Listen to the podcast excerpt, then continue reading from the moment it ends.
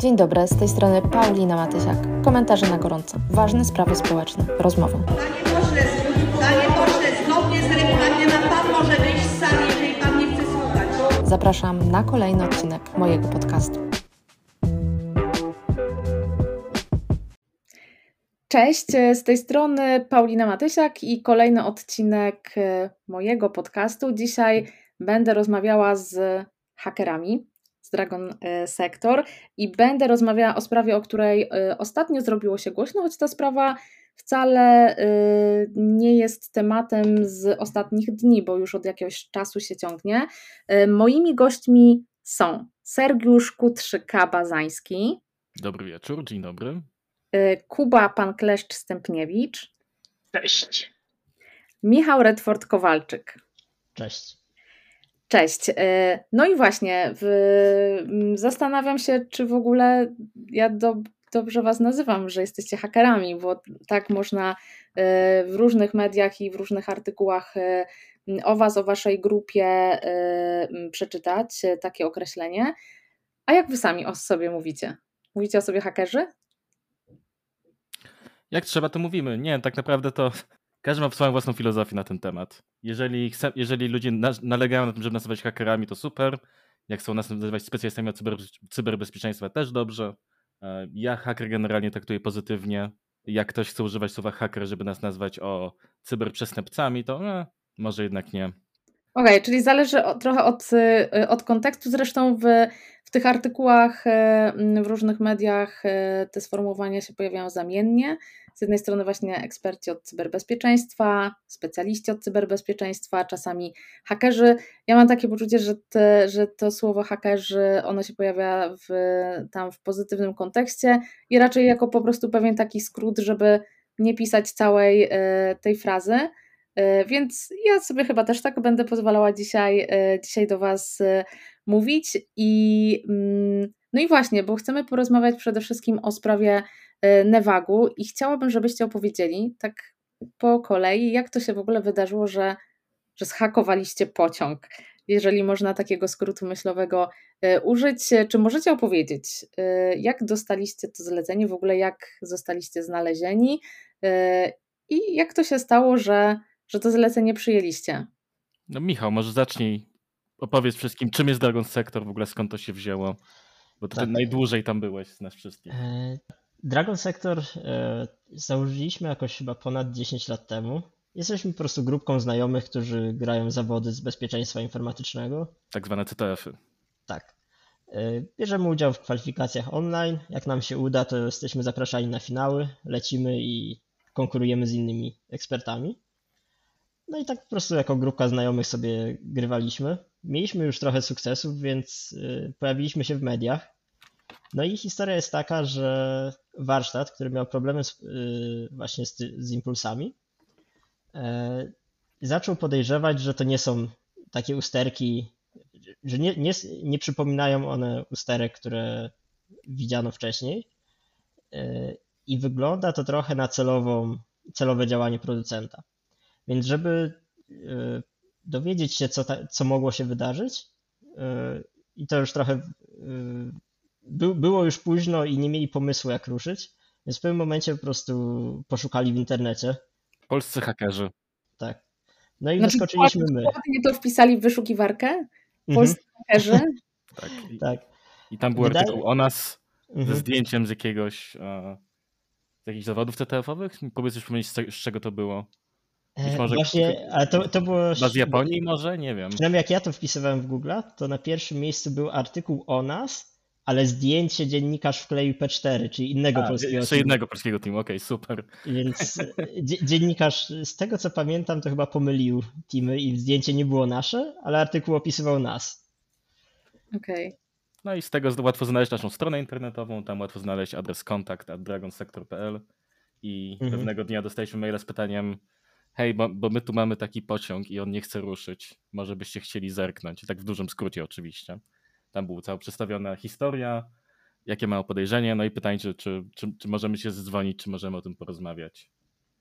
No i o ile dostajemy różne dziwne maile na tę skrzynkę, jakby tradycyjnym zapytaniem jest hej, czy możecie mi pomóc zhakować Facebooka mojej dziewczyny, albo hej, e, czy możecie mi pomóc znaleźć hasło do mojej skrzynki mailowej? i tak dalej, to pytania o uruchomienie pociągu są dość rzadkie. Stwierdziliśmy po paru dniach namysłu, że hmm, może jednak, może jednak się odezwiemy żeby, chociaż, żeby chociażby się dowiedzieć o co chodzi. Zupełnie serio powiedzieć, że są rzadkie, to znaczy, że mieliście już pytanie o jakiś inny pociąg, czy tak naprawdę Nie, to, to, to, było, to było pierwsze, to było pierwsze. To było Ale pierwsze trzeba jedyne. je wyławiać z tak. gąszczu bardzo dziwnych pytań o różne... No, dużo ludzi szuka hakerów do wynajęcia, ale no, te sprawy są mniej etyczne, więc odmawiamy. A ta sprawa wyglądała na ciekawą i zarazem taką, której nie wstydzilibyśmy się podjąć. Czyli generalnie ktoś wam tak wjechał na ambicje, prawda? Znaczy w sensie, że zadanie, jest, które, które jest takie nowe, którego nikt wcześniej może nie robił i co tu się może wydarzyć? Może, może nie tyle co ambicje, cieka ciekawość. Dokładnie. To jest jakby, my, my żyjemy, nasza dieta składa się w 90% z ciekawości i to jest jak widzimy tego typu zapytanie, no to ciężko się powstrzymać przed przynajmniej z pytaniem, ale o co dokładnie chodzi, bo no jakby idea, że w ogóle można. To jest jakby okazja raz na całe życie, tak naprawdę, jak się nie pracuje w tej branży, w tym, w tym sektorze kolejowym, że faktycznie coś z tym zrobić, czegoś się dowiedzieć i jakby zobaczyć to chociażby jak działa od środka, tam przejechać się pociągiem, może. Pociągiem można, można jeździć także bez znajomości yy, kodu źródłowego i oprogramowania. Ale dobra, Dostaliście maila, stwierdziliście, ok, bierzemy to, jest to ciekawe, trzeba zobaczyć, y, jak to wygląda. I co wydarzyło się później? No, oczywiście najpierw musieliśmy spisać umowę, dogadać się co do szczegółów i to, co było też dobrze rzutowało na tą sprawę od strony warsztatu, że oni tak naprawdę, im, to, to na czym im zależało, to dowiedzenie się, dlaczego te pociągi się zepsuły. Nie po prostu pozbycie się usterki, ale też analiza, co tak naprawdę się wydarzyło i dlaczego. Tak, bo jakby warto też wspomnieć, że jakby to nie było od samego początku, że o, zły Newak nam zablokował początki, tylko hej, mam takie podejrzenie, nie jesteśmy pewni, czy możecie zerknąć i być może e, dowiedzieć czegoś na ten temat i być może potwierdzić nasze, nasze domysły. Tak, jeszcze w, szczególności wtedy w mediach y, pojawiały się te oświadczenia Newagu, który zarzucał warsztatowi, że są po prostu niekompetentni. No i było to możliwe. Y, my, my sami nie byliśmy, nie znaliśmy wtedy prawdy i no, by, była szansa, że oni po prostu robią coś źle na tych pojazdach i przez to się psują. Więc byliśmy trochę z nastawieniem, że mhm. zobaczmy, najwyżej po prostu stracimy na to czas, jak niczego nie znajdziemy. E, a wyszło zupełnie inaczej. Wyszło, że, wyszło, że faktycznie e, no, tam jest logika tych blokad i ciężko nam sobie wyobrazić, żeby to było umieszczone przez kogokolwiek innego niż Nevak bądź osobę z dostępem do kodu źródłowego, która pracuje dla Nevagu. Jasne, do tych oświadczeń Nevagu jeszcze na pewno e, wrócimy. Natomiast mnie też interesuje to, ile mieliście czasu, bo też, no właśnie, to może wyjaśnienie dla tych, którzy nas słuchają.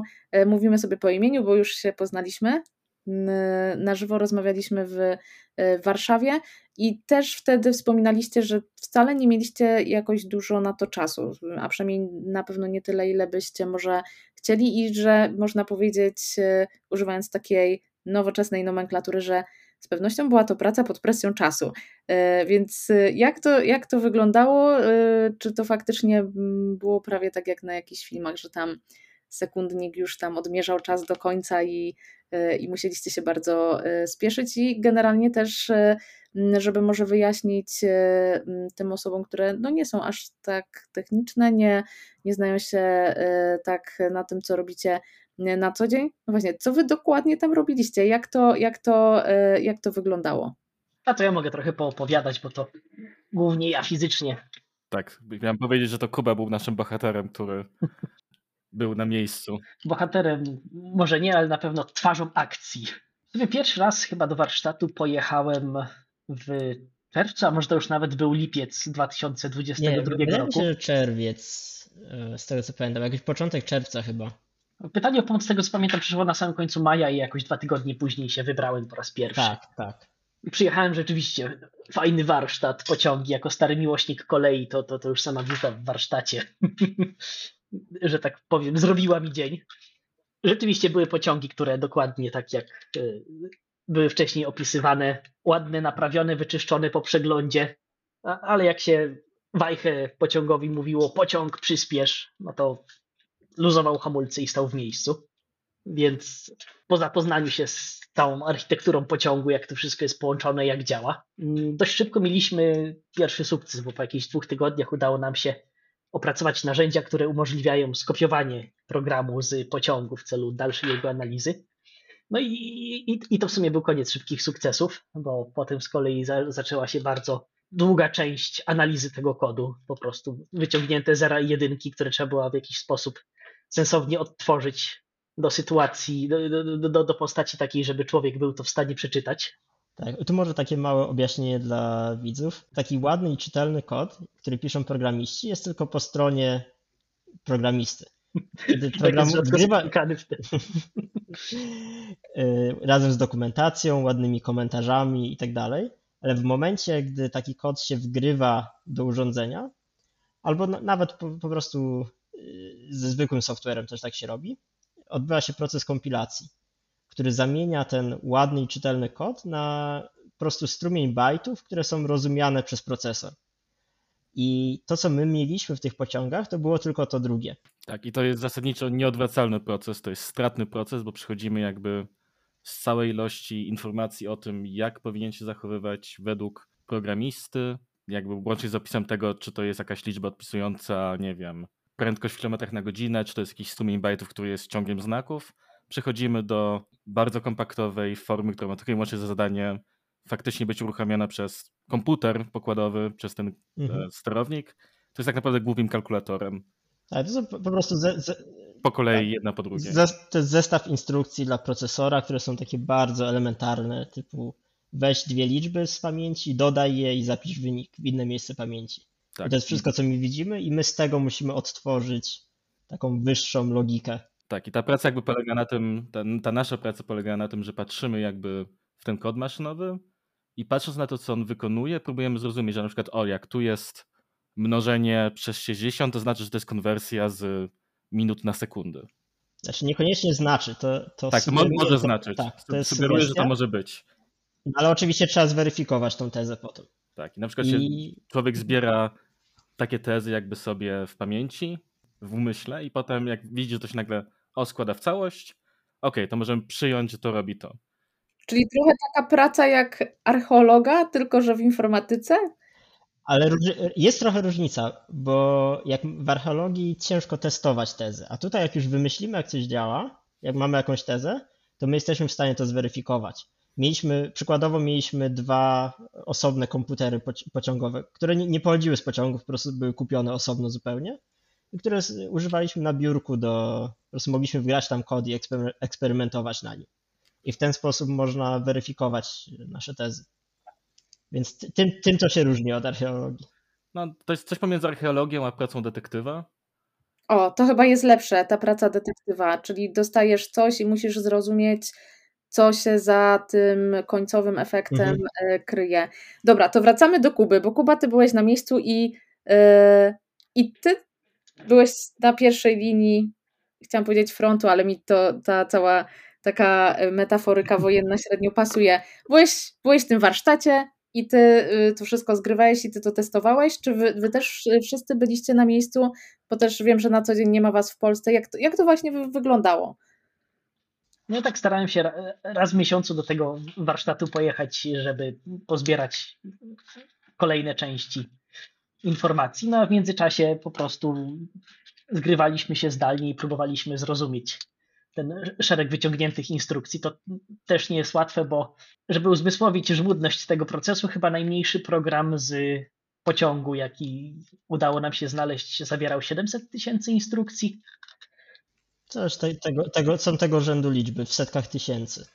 Więc. Każdą jedną trzeba praktycznie z, zrozumieć, umiejscowić w, w jakiejś właśnie kawałku puzla i, i koniec końców z tego się składa całe oprogramowanie. Jakieś dwa miesiące później, bo to są z kolei tego rzędu wielkości patrzenia się na to, dostaliśmy taki telefon z warsztatu, że chłopaki, a moglibyście analizować szybciej te pociągi, bo za 6 dni przyjeżdża klient zrywać umowę i, i jest strasznie duża kara umowna i, zero presji, ale to, to, to nie jest bardzo optymalna sytuacja.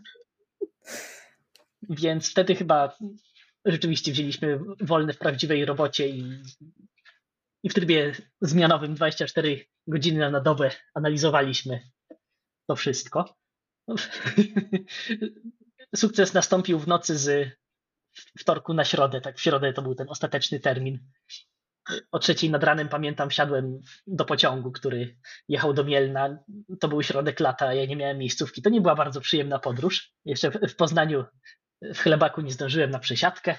No ale docieram do warsztatów i na Wrocławiu. No to kiedy przyjeżdża klient zrywać umowę? Za godzinę. Więc szybko do pociągu nasz y, przetestowany, odblokowany procesor z, z działającym programem do pociągu, przymocowany, jeździ. 43 minuty przed zerwaniem umowy. Czyli sukces, udało się.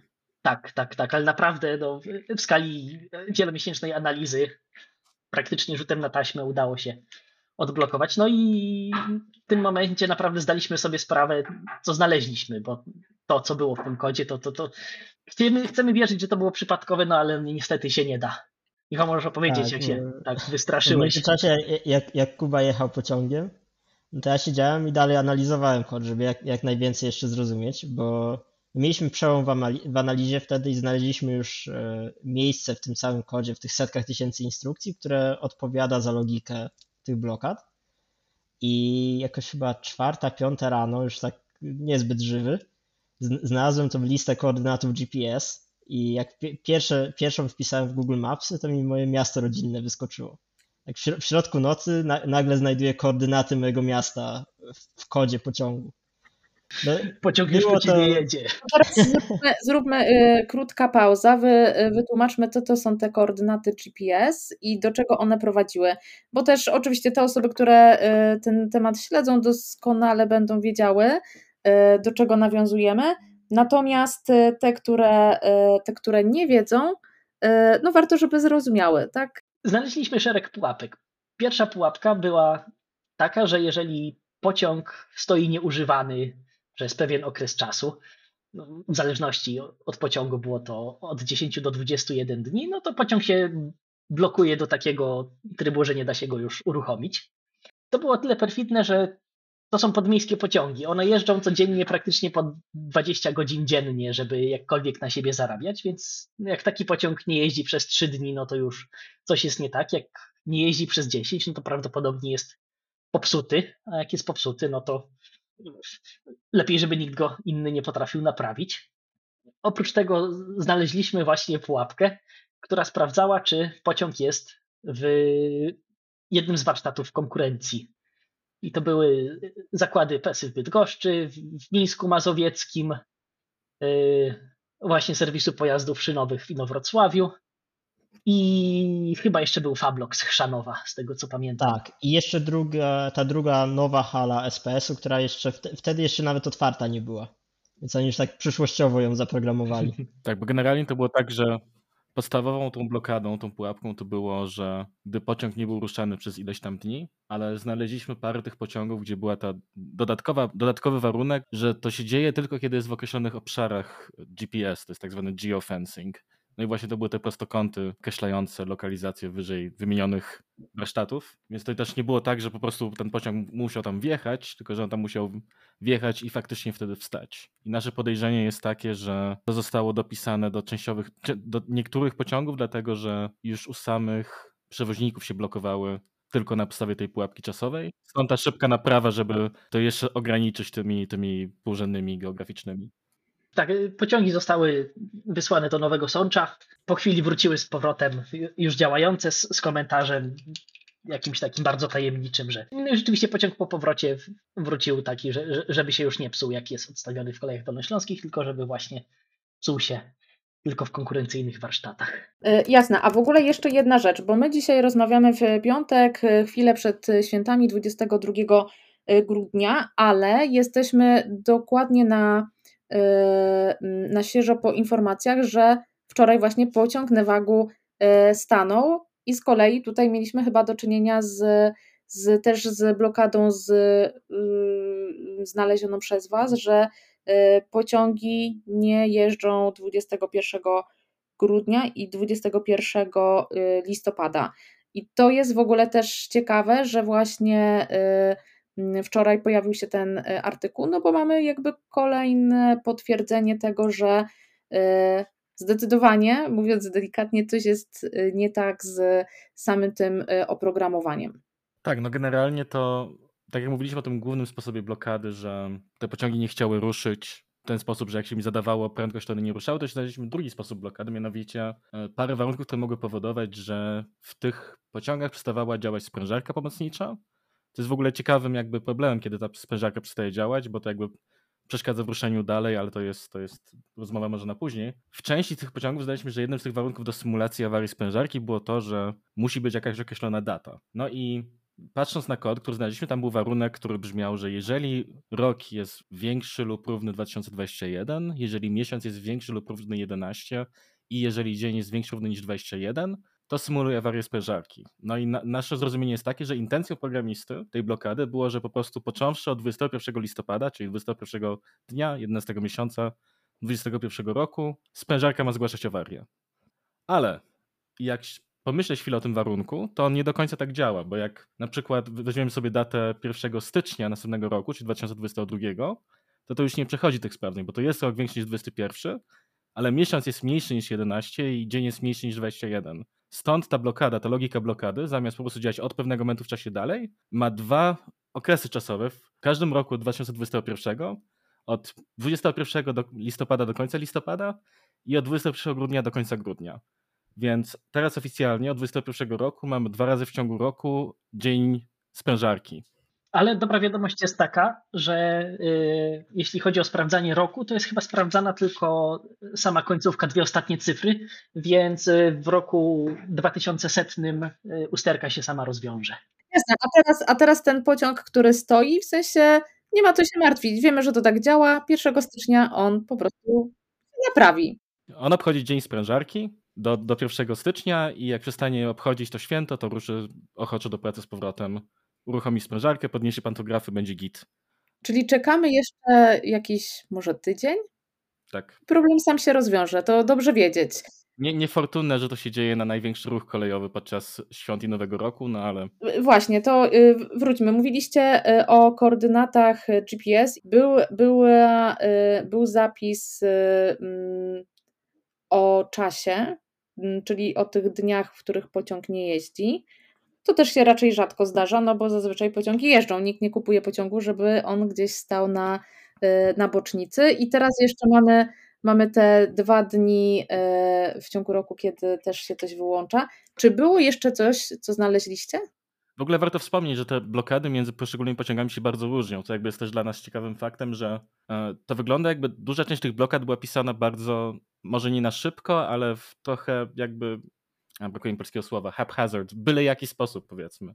Że a tu sobie dopiszą te GPS-y, niechlujnie. a tu niechlujnie, o dokładnie.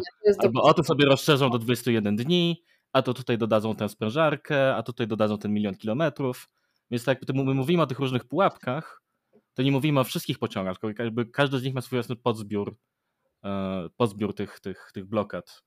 Okej. Okay. No i ale chyba, chyba te wszystkie blokady, które wymieniliśmy, to było głównie to. Tam jeszcze była jedna blokada, że jak się wymieni jeden podzespół, to, to żeby się blokowało, to jakby to nawet trochę rozumiem jakby z punktu widzenia, nie wiem, bezpieczeństwa pociągu, żeby tam nie wymieniać tych części, ale tak jakby Albo nie mm. przykładać procesorów między pociągami, no ale jeżeli coś takiego jest obecne, no to powinno się to znajdować w dokumentacji serwisowej. Też były jakieś takie bardziej powiedzmy typowe blokady, typu właśnie, że jeżeli, e, czy tam blokady, które można wytłumaczyć, typu właśnie jakieś cofanie licznika i tym podobne, więc mamy wrażenie, że to się zaczęło faktycznie od jakiegoś systemu bezpieczeństwa, tylko że oni z czasem zaczęli właśnie jakieś takie mniej um, eleganckie rozwiązania też stosować. No i właśnie nic nie było dokumentowane. W dokumentacji systemu utrzymania, w dokumentacji techniczno-ruchowej czy tam rozruchowej też nic nie było o tym. Stąd nasz, nasz trochę jakby problem z argumentacją, że to jest jakby przewidziane zachowanie pociągu, no bo jeżeli kupuje się ten pociąg, to fajnie, żeby wiedzieć, że coś takiego jest.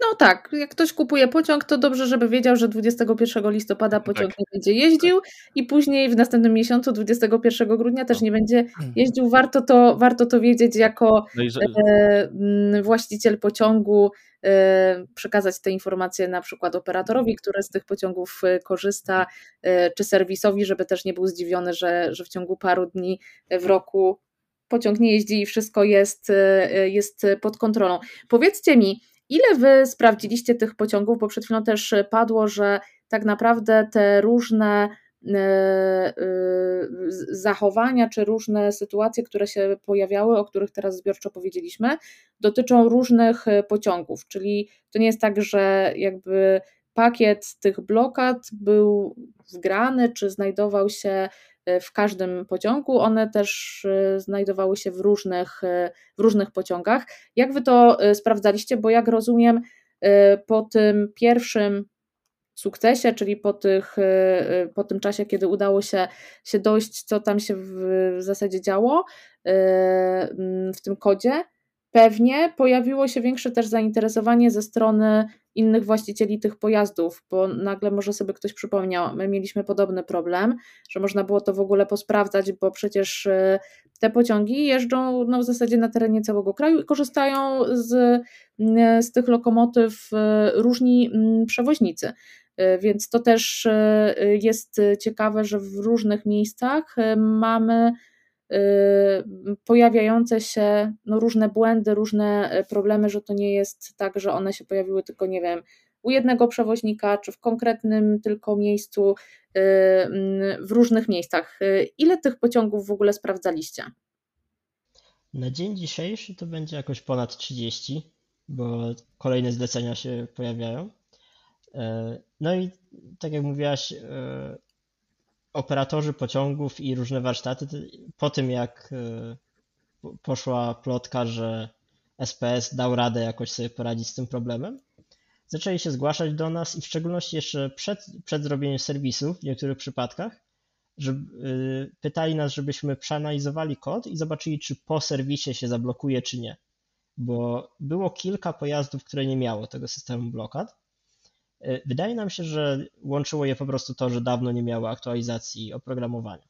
Te, które miały nowszy kod, już e, posiadały blokady. Przynajmniej taka jest nasza teoria. E, no i z, z tych 30 paru na dzień dzisiejszy jakoś 26 albo 27 miało właśnie system blokad. No i w każdym było, był trochę inny. Przykładowo liczba dni, po których pociąg się psuje, jeśli stoi w miejscu, była różna. To było 10, 14, 20, 21. Wszystko zależało od pojazdu. Tutaj może jeszcze warto taką, takie małe wyjaśnienie dla tych osób, które y, nie są jak my Mikolami, dopowiedzieć, że mamy różnego rodzaju poziomy serwisów pociągów, bo to nie jest tak, że pociąg jest serwisowany wtedy, kiedy się popsuje, znaczy to jest oczywiście też y, jakby jasna sytuacja, ale mamy te serwisy, które się po prostu odbywają systematycznie co, co określony czas, czy co określoną liczbę przejechanych kilometrów i to są te przeglądy wyższe P, P4, Y, czy te też takie modernizacyjne P5. Te wcześniejsze no to są po prostu takie, y, można powiedzieć, codzienne przeglądy wynikające po prostu z użytkowania y, na co dzień pojazdu. Więc były. Wydaje, wydaje mi się, że od P3 już są większe. P3 już jest taki dość spory. Tak, są, są większe i one też są oczywiście planowane, i tu warto też podkreślić, że problem też polegał na tym, że te sytuacje, o których mówimy, polegały też na tym, że y, po prostu pociągi, które trafiały na, y, do serwisu, y, po prostu jakby w tym serwisie, można powiedzieć, przestawały jeździć.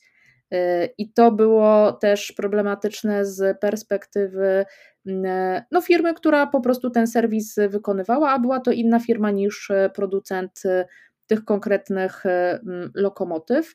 Y, I tutaj y, jakby chyba też można powiedzieć, że cała ta historia y, się zaczęła, bo serwis wykonywany zgodnie z wytycznymi producenta nie dawał oczekiwanego efektu. I tutaj właśnie wkroczyliście wy, żeby sprawdzić, co się zadziało z, z samym oprogramowaniem. Jesteśmy już na tym etapie, że wiemy, że coś się zadziało z oprogramowaniem.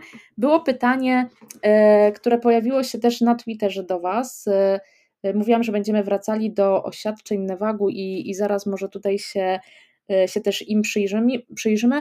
Kuracyja zadał pytanie na Twitterze, jak w ogóle, jakie było wasze takie, wasza reakcja E, związana z, ze stanowiskiem Newagu. Jak wy na, to, e, na tę odpowiedź firmy zareagowaliście i czy w ogóle też e, jakoś spodziewaliście się tego, czy jesteście zaskoczeni też tym, że Newak absolutnie odżegnuje się od tego, że to on wprowadzał jakiekolwiek zmiany w tym oprogramowaniu, że to były jakieś celowe zmiany i w zasadzie stara się być jakoś od tej sprawy Y, zupełnie y, daleko. Jak, jak wy do, w ogóle do tego podchodzicie z waszej perspektywy?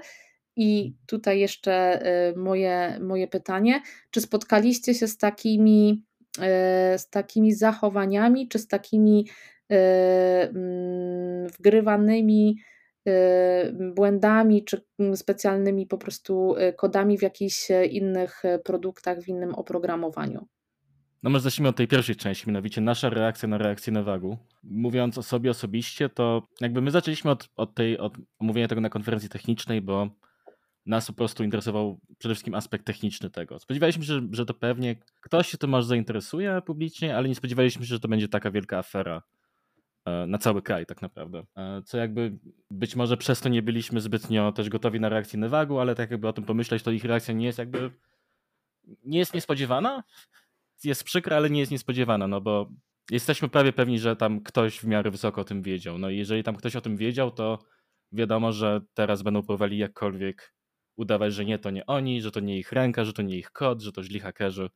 Troszkę zabawne jest, jak bardzo się rzucili na tych złych hakerów, no bo to myślałem, że to jest jakby trochę za nami, że już wszyscy rozumieją, jak działają e, researcherzy, researcherzy badacze cyber, cyberbezpieczeństwa liczę na to, że nas potraktują trochę bardziej na serio, nie nas ubiorą w kominiarki i posadzą w piwnicach.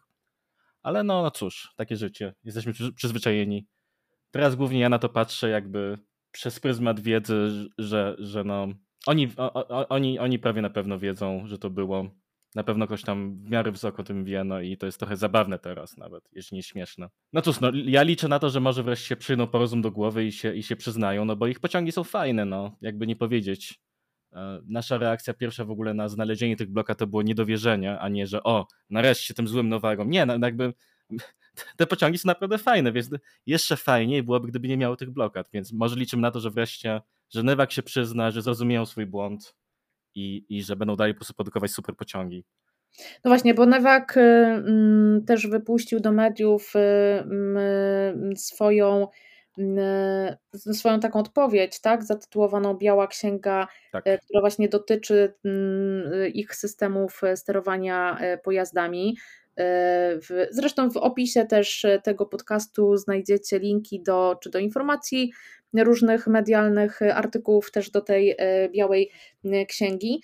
No i właśnie, czy to, jak to wygląda też od Waszej strony? No bo to zapewne nie jest tak, że gdzieś tam sobie coś zgraliście, coś sprawdziliście i, mm, i macie z tego jakieś swoje oświadczenie.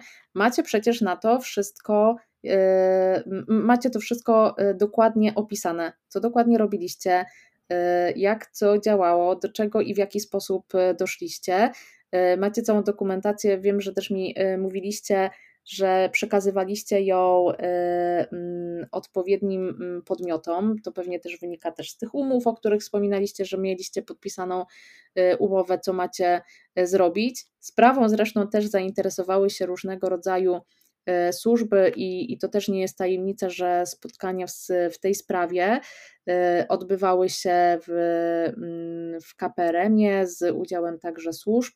Mamy kilka postępowań E, w prokuraturze mm, w, prokuraturze w różnych miejscach e, w kraju związane z pociągami Newagu, z powództwa różnych e, stron. Na pewno i Urząd Transportu Kolejowego kierował, mm, kierował mm, takie wnioski o wszczęcie postępowania. Sam Newak chyba skierował też takie wnioski i też o tym informował, no właśnie chyba broniąc się czy zasłaniając, że to ktoś manipuluje tym oprogramowaniem.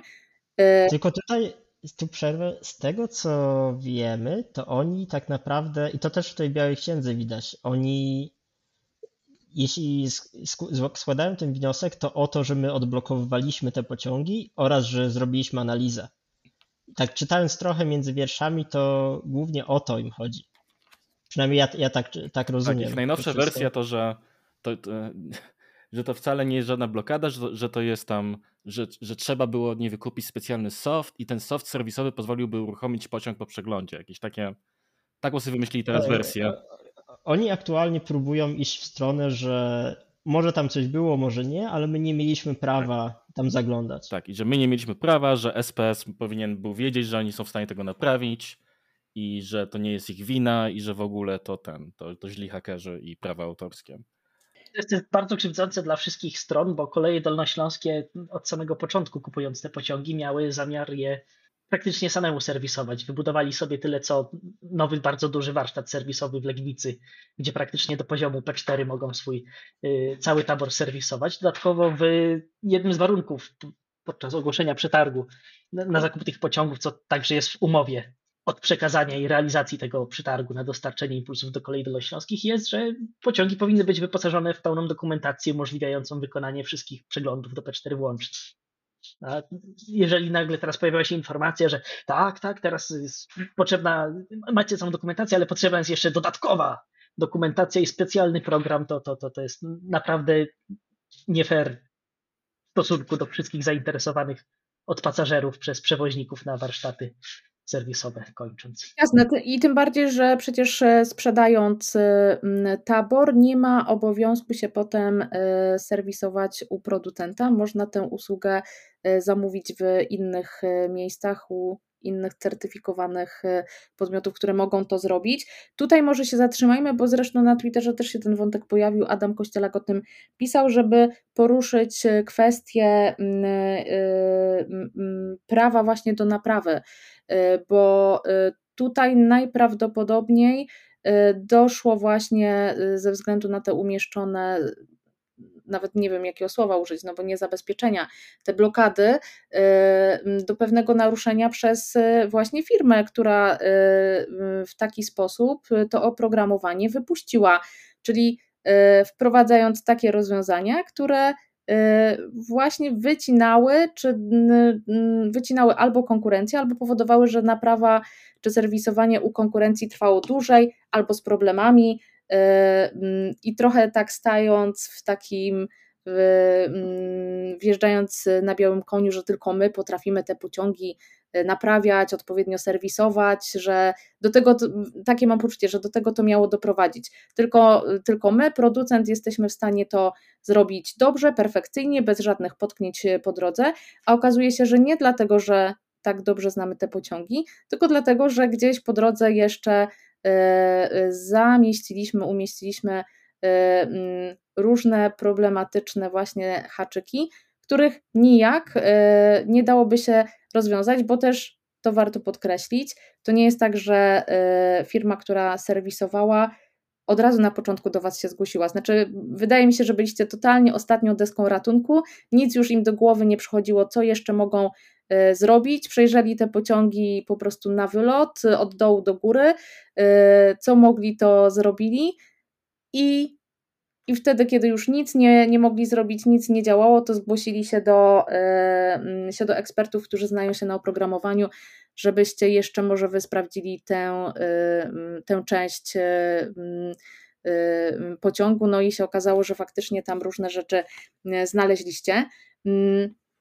Mm, ja też od razu zaznaczę, że my się też zobaczymy z, mm, z Dragon Sector z, też z moimi rozmówcami w Sejmie podczas posiedzenia zespołu, zespołu do spraw walki z wykluczeniem transportowym w styczniu, w, najprawdopodobniej w trzecim tygodniu stycznia. Dokładna data i godzina pojawią się na stronie Sejmu, jak już to e, dokładnie ustalimy.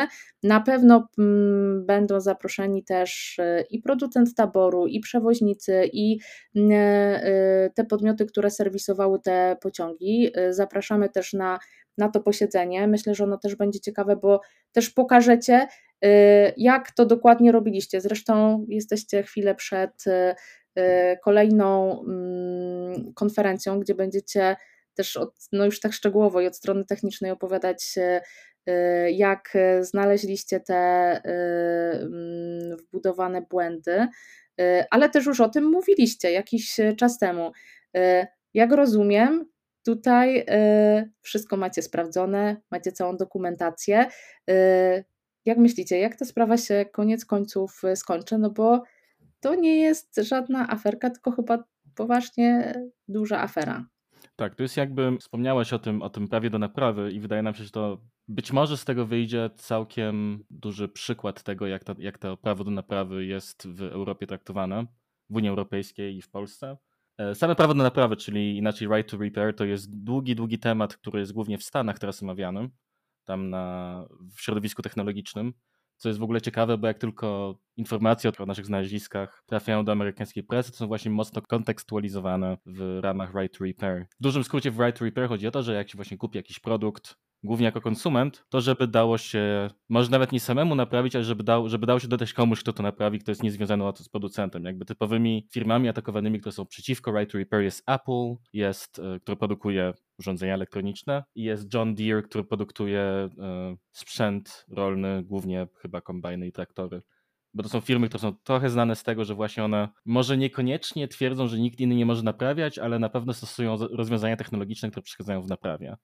No i teraz. Jeszcze, jeszcze HP też lubiło tak, jakieś HP, zagrania z Tak, bo to jest w ogóle, w ogóle to całe right to repair można jeszcze rozciągnąć do takiego typowego e, antykonsumenckiego zagrania typu toner do drukarek, czy tam e, atrament do drukarek, że ktoś sprzedaje e, jakieś urządzenie jako loss leader, jako jakieś urządzenie po kosztach albo wręcz e, sprzedaje poniżej kosztów produkcji, a potem oczekuje na to, że będą jakieś przyszłe sprzedaże bądź przyszłe usługi, które zwrócą ten koszt. To jest ważny temat w sferze technologicznej w Stanach no i też to jest tak właśnie kontekstualizowane wszystko w tym też między innymi dlatego, że w, w Unii Europejskiej to right to repair chyba jeszcze nie jest jakkolwiek sformalizowane gdziekolwiek. W Stanach już dochodzi do e, lokalnych, stanowych e, ustaw, że właśnie mniej lub bardziej mają to right to repair. W, w Unii Europejskiej to właśnie chyba mocno rozproszone po prawach konsumenckich i tym podobne, ale właśnie nie wiem na ile to jest sformalizowane. No i przekonamy się, czy ta sprawa na przykład nie skończy w, w Trybunale Sprawiedliwości Unii Europejskiej bo ja trochę się boję, że tak może być, że to pójdzie aż na samą górę i że skończymy z jakąś tam opinią na temat tego, czy jako osoba kupująca dany przedmiot, czy to drukarkę, czy to pociąg, w zależności od dnia i humoru, e, czy będziemy w stanie ją sami naprawić, czy nie. A raczej, czy producent ma prawo nam zabronić naprawiania?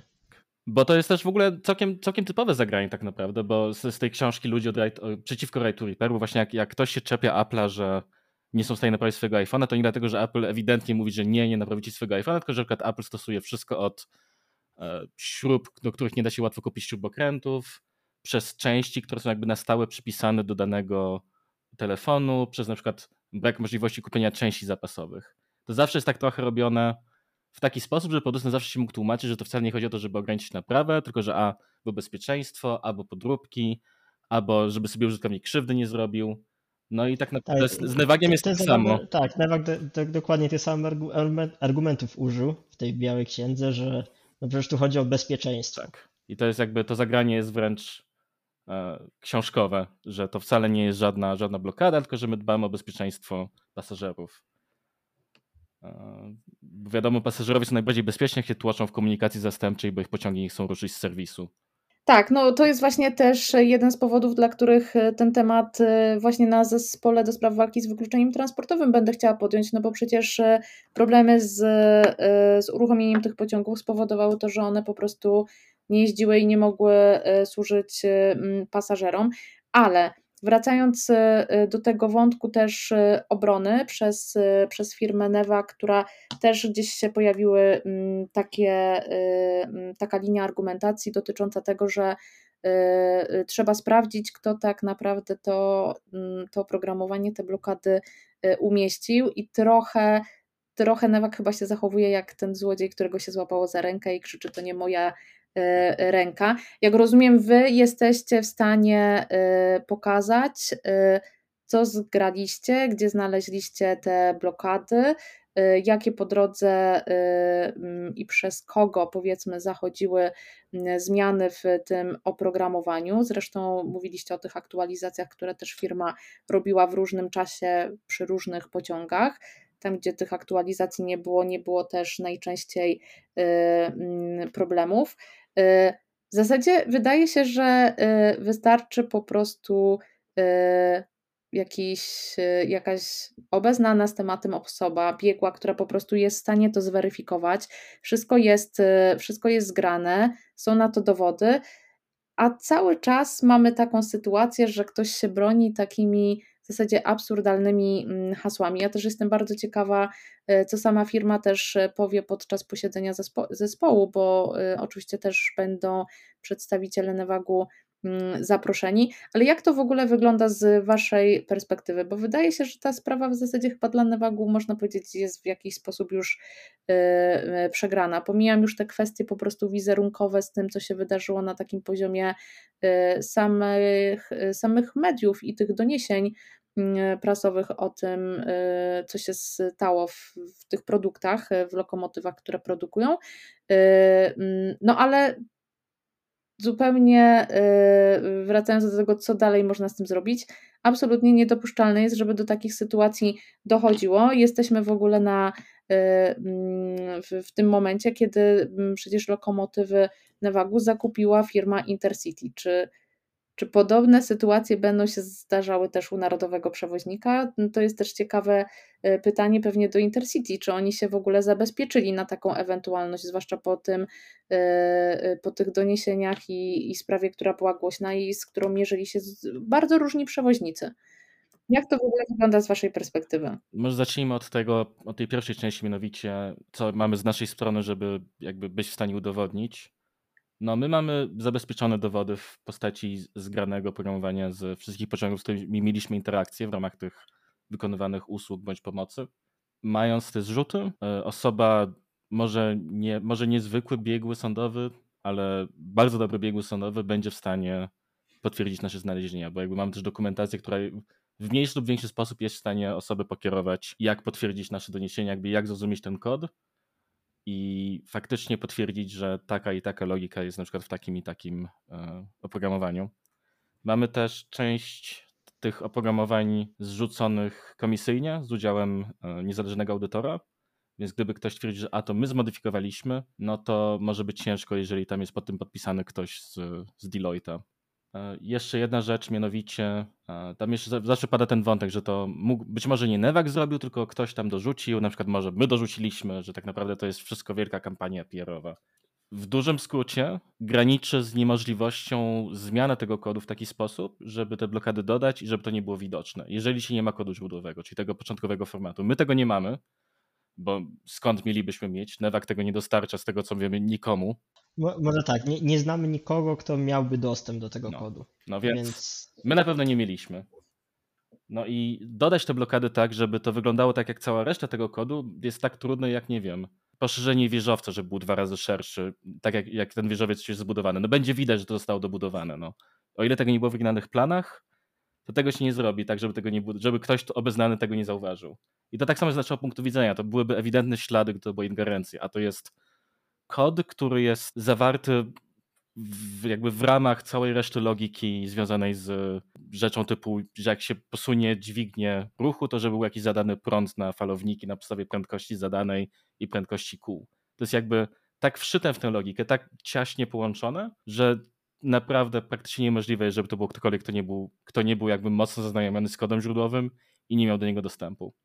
To, to nie jest jakaś łata naklejona, jakaś, e, że ktoś na szybko jedną rzecz zmienił, tylko no, widać z tego, że to był po prostu jeden z twórców tego oprogramowania, który dodał ten podsystem cały. Czy w, w ogóle w, wobec Was, Waszej grupy, która y, sprawdzała te pociągi, w ogóle zostały, zostały wysunięte, znaczy pomijam jakieś oskarżenia takie w przestrzeni medialnej, bo oczywiście tutaj y, mamy y, to odżegnywanie się, że, że to w ogóle to wy jesteście, nie wiem, niepoważni, nie znacie się i tak dalej, i tak dalej. Takie y, podważanie waszych kompetencji, ale czy zostały wysunięte jakieś kroki czy działania prawne, które właśnie w związku z, z tą Waszą działalnością i z, z, ze zrealizowaniem tej usługi z sprawdzenia oprogramowania zostały podjęte. Czy coś takiego miało miejsce, w, czy, czy nie? I czy w ogóle spodziewacie się takich działań? Do tej pory nie, czekamy z niecierpliwością, bo na pewno będzie to bardzo zabawne pismo.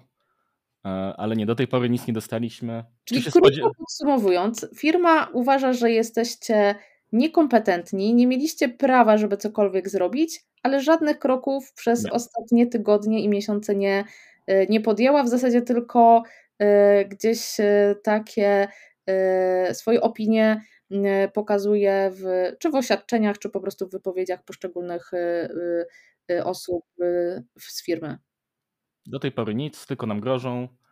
E, też sposób, w którym nam grożą jest dziwny i ta linia obrony jest tak karkołomna, że nawet nie wiadomo zbytnio jak się do tego odnieść czasami, bo zmieniają zdanie co chwilę. Możecie rozwinąć tę kwestię, że grożą? Co to znaczy grożą? No to wszystkie, to w mediach zawsze wypisują, że o, to nam, już, że, że ten, że prokuratura już jest gotowa i że już wysuwają pozwy z wnioskiem o ściganie i że w ogóle mamy się bać. No, a, za, a zarazem publikują te oświadczenia, w których są takie kwiatki, jak na przykład w którymś miejscu chyba w Białej Księdze było w nawiasie źródło, prawo powszechnie obowiązujące. No, to widać, tam, tam jest dużo takich miejsc, które widać, że to było robione tak niezbyt starannie. No więc my, ca... Mhm. my, w dużym skrócie się jakoś specjalnie nie spodziewamy pozwu, nie spodziewamy się jakichkolwiek nieprzyjemności. Mogą próbować, ale no to... No i też ca cała linia obrony ich w tych oświadczeniach jest bardzo niespójna. Tam poza tym, że połowa e, miejsca jest zajęta na to, że my nie mieliśmy prawa tego przyglądać się zbyt uważnie temu, co oni robią. I oczywiście straszenie wszystkich, jakie to teraz pociągi są niebezpieczne jak będą się wykolejać na zakręty. Bo, bo, bo źli hakerzy popatrzyli, co tak naprawdę w środku siedzi. Ja myślę, że tutaj y, y, zresztą na takim stanowisku też od początku stoję i też y, kilkukrotnie o tym mówiłam. Uważam, że wyjaśnienie tej sprawy jest w interesie przede wszystkim Newagu. Zresztą sami też w swoich wypowiedziach to mówiliście, że tak naprawdę to nie jest problem z produktem. Te pociągi E, te lokomotywy są e, fajne, one nam służą, są nam potrzebne, korzystamy z nich e, na co dzień, natomiast no, do końca powinna zostać wyjaśniona kwestia samego tego oprogramowania i no, manipulowania w tym oprogramowaniu w taki sposób, który no, nie służy tym podmiotom, które te pociągi po prostu zakupiły. Oczywiście, że tutaj w grę wchodzą bardzo mm, duże pieniądze, to nie ma co do tego wątpliwości. Natomiast z pewnością e, cała ta e, dyskusja, mm, cała e, debata na ten temat samej tej firmie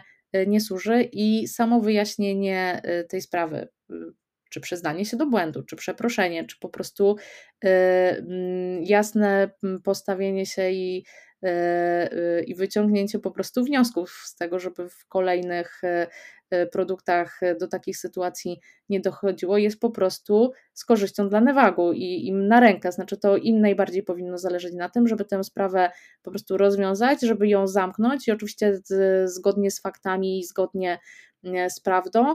Natomiast takie bicie piany i uderzanie gdzieś po drodze w różne podmioty, bo myślę, że nie tylko w Was, bo to też gdzieś rykoszetem dostają e, i ci, którzy serwisowali te pociągi, i przewoźnicy, i w ogóle każdy, kto chce ten temat e, podjąć e, no nie jest w interesie też szeroko rozumianego interesu publicznego, bo też nasuwa się takie pytanie, skoro już w lokomotywach pojawiają się E, takie zmiany w samym kodzie, to można się zastanawiać, to gdzie jeszcze e, i gdzie jeszcze e, do takich sytuacji mm, dochodzi. Być może też o wiele mniej subtelnych, które może nie, nie od razu narzucają taką myśl, że to się po prostu dzieje, mm, dzieje nie tak. No tutaj po prostu były ewidentne te mm, przykłady związane z tym, że no co zdecydowanie narzucało to myślenie, że to ktoś po prostu z danej firmy musiał to zrobić, chociażby na przykład te zaszyte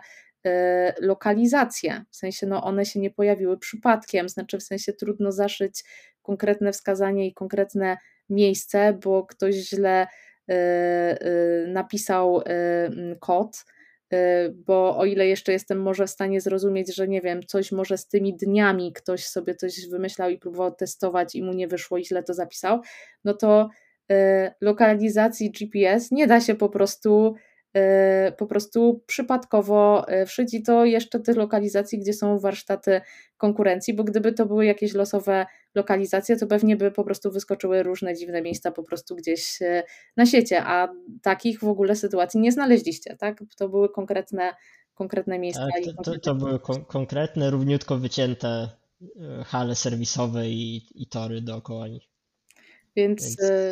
Nie no, gdyby jakby te, te koordynaty GPS, to naprawdę nie wiem, co musieliby zrobić, żeby próbować się z tego wybronić, bo tak jak mówiłaś, z innych mogą powiedzieć jeszcze wybronić, że a to ktoś testował, a to źle nam, źle, źle zapisaliśmy, że to tak naprawdę powinno, nie była być awaria sprężarki, tylko komunikat o czymś tam.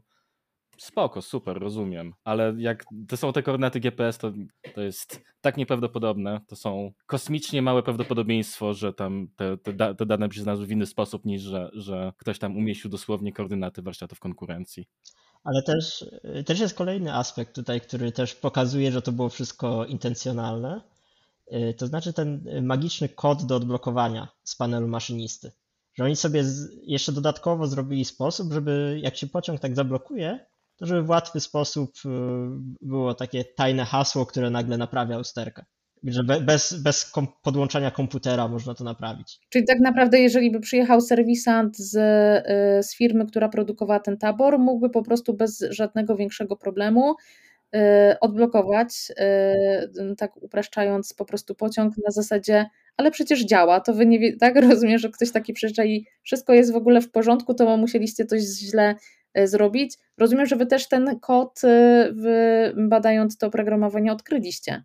Tak, tak. Tak. tak, i nawet puściliśmy plotkę na rynek kolejowy, że w ten sposób udało się uruchomić pierwsze pociągi, że po prostu udało się zdobyć tajny kod, który się wpisuje w kabinie maszynisty, co wywołało dość interesującą reakcję, bo chwilę później popsuły się trzy kolejne pociągi w kolejach dolnośląskich jeszcze przed wizytą w serwisie i zostały naprawione w Nevagu i jedyna zmiana, bo sprawdziliśmy oprogramowanie przed wizytą w Nowym Sączu i po to, to, to było usunięcie tajnej kombinacji odblokowującej pociąg. O rety, nieźle. Y, to jest, no to w ogóle też jest y, ciekawe. Czyli generalnie wy, jak już y, współpracowaliście z różnymi podmiotami, wiedzieliście, że jeżeli one jadą na przykład na serwis do firmy, albo że serwisant ma coś robić z pociągiem, jakby robiliście kopię oprogramowania przed robiliście po, żeby, no mówiąc tak zupełnie prosto, sprawdzić, co się zmieniło. Co się zmieniło, czy zostało coś dodane, czy zostało coś wycięte, i byliście w stanie sprawdzić dokładnie, w którym miejscu i do czego te zmiany służyły. Tak, to jest zaskakująco przydatna technika, nie tylko w przypadku pociągów, ale generalnie badania oprogramowania, zobaczyć różnice między wersjami. No i tutaj różnica właśnie między przed wizytą Unewaga, po wizycie Unewaga różne, różne różnice były, ale właśnie typowa była zmiana, usunięcie tych, tej kombinacji klawiszy albo rozciągnięcie tej blokady czasowej z 10 do 20 bądź 21 dni. Stąd też nasze podejrzenie, że to wszystko było tak trochę robione. A, bo ten się zepsuł w ten sposób, to żeby nie było znowu przypału, to, to słuchaj, ej, weź to wydłuż do 21, co? Albo ej, weź dodaj te warsztaty po GPS, co? Okej, czyli y, tak, żeby były po prostu różnice, żeby to nie było tak, że jakby od jednej sztancy każdy pociąg. Może na, nawet nie różnice. Chyba głównym problemem było wtedy to, że zdarzały ten taki najstarszy system, ten, yy, który blokuje pojazdy po prostu po staniu w miejscu, miał ten problem, że czasami jednak te pociągi stały, pomimo że nie były w warsztacie. I oni, oni, po, oni potem zauważyli, że to jednak czasami za często się załącza i u kolei dolnośląskiej po prostu się zdarzyło kilka razy, więc zaczęli robić to na przykład doda dodanie GPS-a, żeby na pewno sprawdzić, czy to jest warsztat konkurencji, albo wydłużenie z 10 na 21 dni, żeby naprawdę już zablokował się tylko w trakcie e, serwisowania i tego typu zmiany. Albo właśnie usunięcie tej magicznej kombinacji, bo pewnie podejrzewali, że warsztat po prostu poznał tą kombinację a, a nie, że przeanalizował wszystko. No ale jak też rozumiem, yy, yy, trudno podejrzewać, żeby poznać taką kombinację mm, i ten kod do odblokowania, po prostu nie znając tego oprogramowania. Znaczy, w sensie, no to nie jest tak, że ktoś sobie to podawał na kartce. Wy to odkryliście, bo badaliście sam ten mm, kod. No i no nie można jakby przypadkowo poznać, tak? Ale mogli podejrzewać, że po prostu, nie wiem, warsztat albo koleje dolnośląskie podkupiły pracownika, który zdradził tą kombinację bo ona wygląda jakby była dedykowana dla zwykłych serwisantów, że nie, żeby bez potrzeby podłączania komputera być w stanie odblokować te pojazdy. To nie jest bardzo skomplikowana kombinacja poza tym. Nie chcemy zbytnio mówić jaka to jest, żeby ludzie nie zaczynali jakby losowych rzeczy wciskać w tych, w tych kabinach. Tak, bo tam, tam jest kilka różnych kombinacji i wolimy, żeby ludzie nie zaczęli się tym bawić, bo one też się różnią między pojazdami i to nie jest tak, że można sobie na ślepo to zacząć wciskać, bo nie, nie do końca wiadomo, co się może stać, jak, jak na jakimś losowym pojeździe ktoś zacznie wpisywać te kombinacje. To nie jest coś typu, że trzeba siedzieć wcisnąć 20 klawiszy po kolei, tylko tam przytrzymać, puścić, przytrzymać, puścić tego sprawa. Okej, okay. no generalnie trochę to brzmi, jak o tym opowiadacie, jak jakiś system do odblokowania czegoś w jakiejś po prostu grze komputerowej i nagle się okazuje, że Dokładnie można tak. odblokować pociąg. E, dobra, w ogóle powoli będziemy zmierzać do końca. Jeszcze ostatnie pytanie. E, jakie są, e, w sumie ono chyba też gdzieś wybrzmiało trochę wcześniej, ale nie padła odpowiedź. Mm, jak myślicie, jak ta cała sprawa się skończy? To jest jedna rzecz. I jak chcielibyście, żeby się skończyła? bo myślę, że to, je, to może się w ogóle, mam nadzieję, że te y, y, odpowiedzi one się pokryją, ale w rzeczywistości, ale mogą być też po prostu y, różne. Jakie są po prostu Wasze oczekiwania w związku z, z tą sprawą? Bo też no, jesteście jakby w środku tego tematu i, i no, jestem ciekawa Waszego zdania, jakbyście po prostu na to odpowiedzieli. To myślę, że możemy każdy po kolei, bo pewnie mamy trochę różne oczekiwania. No już więcej mówiłem, żeby Newak się po prostu przyznał do tego, ogarnął tak. się i dalej robił fajne pociągi. Mhm. To, a to ja, to ja jeszcze dorzucę. No, ja tak samo jak Sergiusz chciałbym, żeby się po prostu przyznali, to o, po prostu ujawnili wszystko, co wiedzą i dostaną jakieś kary, ale nie chcemy, żeby firma upadła, bo pociągi robią dobre. Ale to, co jeszcze idealnie bym chciał, to żeby regulacje jakoś się zmieniły. To znaczy, żeby rzeczywiście było bezsprzecznie prawnie, że producenci nie mogą robić takich rzeczy. Wydaje mi się, że potrzebujemy lepsz, lepszych regulacji prawnych w całej Unii. Tak, już nawet jak już mówimy tutaj o marzeniach, to mnie, mi tak moje serduszko krwawi fanatyka wolnego i otwartego programowania, żeby te oprogramowanie było otwarte, żeby każdy mógł je przeanalizować, no bo tak jakby można mówić, że a, to, tego nie można opublikować, bo są jakieś turbo super tajemnice. Nie, to jest, to jest oprogramowanie do pociągu. Zróbmy po prostu to jedno rasę dobrze, zróbmy to otwarcie. Zróbmy tak- transparentnie. Tak, tak, transparentnie. Zróbmy to, żeby nie trzeba było powielać tej pracy, żebyśmy wszyscy razem między producentami, nawet między krajami mieli jakieś wspólne standardy, wspólne oprogramowanie. No bo czemu nie? No skoro, skoro nasze komputery są oparte zasadniczo w dużej mierze na otwartym oprogramowaniu, to czemu nie pociągi? No? Mhm. I jeszcze Kuba został z tak, odpowiedzią. Tak, tak, taki kolejnym elementem takiego marzenia jest właśnie polepszenie rynku serwisów pociągów. W tej chwili te, wygląda ten rynek dość monopolistycznie, jeśli chodzi o, o serwisowanie. Praktycznie każdy producent nowych pociągów jest jedyną osobą, która, jedyną instytucją, która jest w stanie takie pociągi serwisować, przez co dochodzi do takich sytuacji, kiedy na przykład przegląd P4 pociągu kosztuje więcej niż zakup nowego pociągu. Nie pamiętam, ale to jest świeżo, z jakoś sprzed miesiąca. Który przetarg, ale nie pamiętam, który operator ogłosił przetarg na serwis P4. Przetarg nie został zakończony pozytywnie, bo pierwsza oferta przekraczająca budżet przekraczała też koszt zakupu tych pociągów. Czyli du dużo, dużo y, celów. Y, ja wiem, że były jeszcze, y, jeszcze pytania, trochę takie chyba obok samego tematu z Newagiem, ale myślę, że możemy w bonusie odpowiedzieć. Znaczy, nie odpowiedzieć my, tylko wy, bo ja nie odpowiem, ale może odpowiecie na te pytania teraz na końcu, mm, te pytania, które pojawiły się na Twitterze. To może zacznijmy po kolei. Dwa już odpowiedzieliśmy, to teraz kolejne będzie od kapitana nieoczywistego. Tam jest cała duża seria. Postaram się bardzo szybko powiedzieć. E, czy braliśmy udział w zawodach CTF SNYK 2023? Chyba nie. Nie mogę obiecać, bo nie wydaje tych zawodów. Się. Tak, ale my, my zawodów graliśmy już w setkach, więc e, nie, nie pamiętam, czy konkretną edycję konkretnych zawodów graliśmy.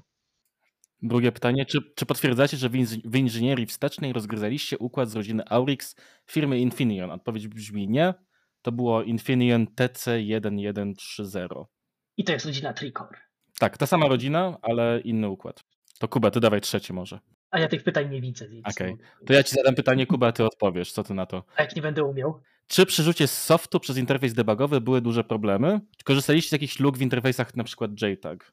Nie, ogólnie procesory PLC są głównie zabezpieczone przez to, że nie ma do niego fizycznego dostępu, więc jeśli chodzi o, o sam zrzut softu, to była to dość... Tak, zrzut softu był, był zrobiony na poziomie jakby logiki PLC, nie na poziomie interfejsu debugowania samego mikrokontrolera.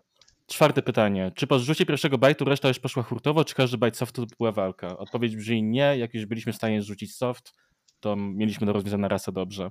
Za to analiza chwilę trwała. Piąte pytanie. Jak oceniacie poziom merytoryczny CERT Polska? Michał, może ty odpowiesz. Bardzo dobrze. To, to są chyba jedni z najlepszych specjalistów w Polsce, więc i po, pozdrawiamy ich. Też biorą udział w zawodach e, e, CTF. E, zna, znamy dużo osób z nich i możemy zagwarantować, że. Mówimy tutaj o CERT Polska, nie o CERT.gov.pl, bo są dwa CERTy w Polsce, mówimy o tym naskowym.